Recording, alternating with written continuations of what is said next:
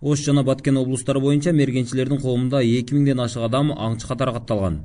Алардын аз гана бөлүгү активдүү аңчылар деп саналат. Мына ошол мергенчилер коомундагы мүчөлөрдүн бири ош шаарынын тургуну улукбек сейдалиев. Ал ошто электр инженери болуп иштейт. Бирок жыл сайын бир нече ирет аңчылыкка чыгат. Улукбек өзүн жаратылышка пайда келтирип жатам деп эсептейт. Бир сезонго беш коюн жазып бере турган болсом мен ошо беш коюн атпай да калышы мүмкүн. Бирок бир чөбөрү бир күндө беш коюн жеп салат да.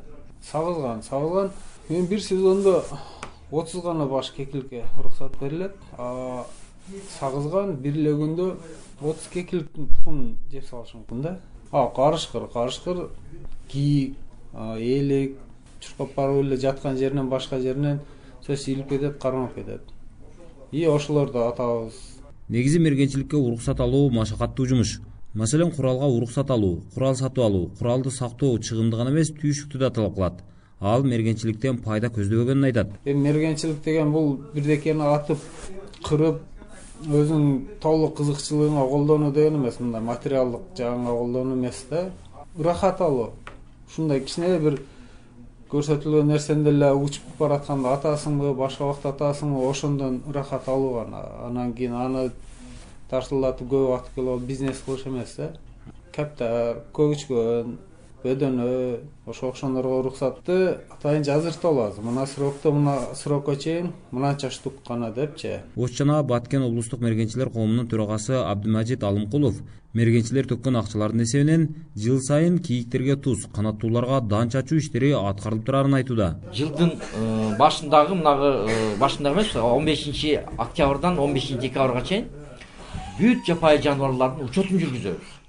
Ушул учет жүргүзүп аткан учурда ача туяктууларга ача туяктууларга туз апарып жеткизип келебиз буларды биз эми кичине секрет кылабыз жем чачкан жерлерди эмелерди. Себеби э, местный калк көрүп калса кекилик ошол жерге үйүлүп калат да жем чачкан жерге. Же болбосо туз апарган жерибизге кийик барып алат. Булар атып коет.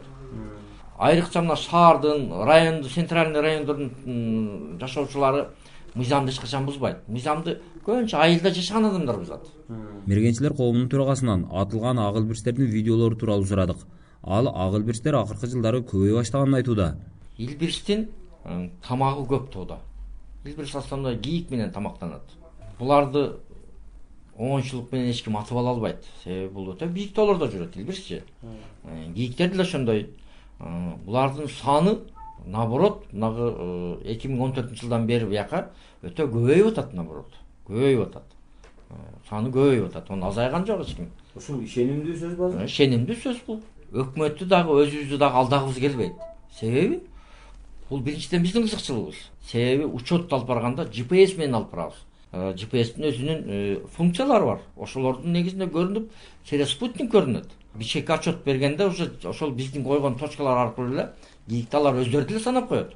Ошон үчүн биз эч кимди алдай албайбыз бүгүнкү күндө. Ош жана баткен облустарынын мергенчилер коому берген маалыматка караганда эки миң он сегизинчи жылы ош жана баткен облустарындагы сууларга балыктардын бир жарым миллион уругу чачылган. Канаттуулар үчүн алты тонна дан чачылган. Ал эми кийиктер үчүн бийик тоолорго эки тонна туз жеткирилген. Беш жүздөн ашык карышкыр жана үч жүздөн ашык чөө атылган. Ыдырыс исаков азаттык ош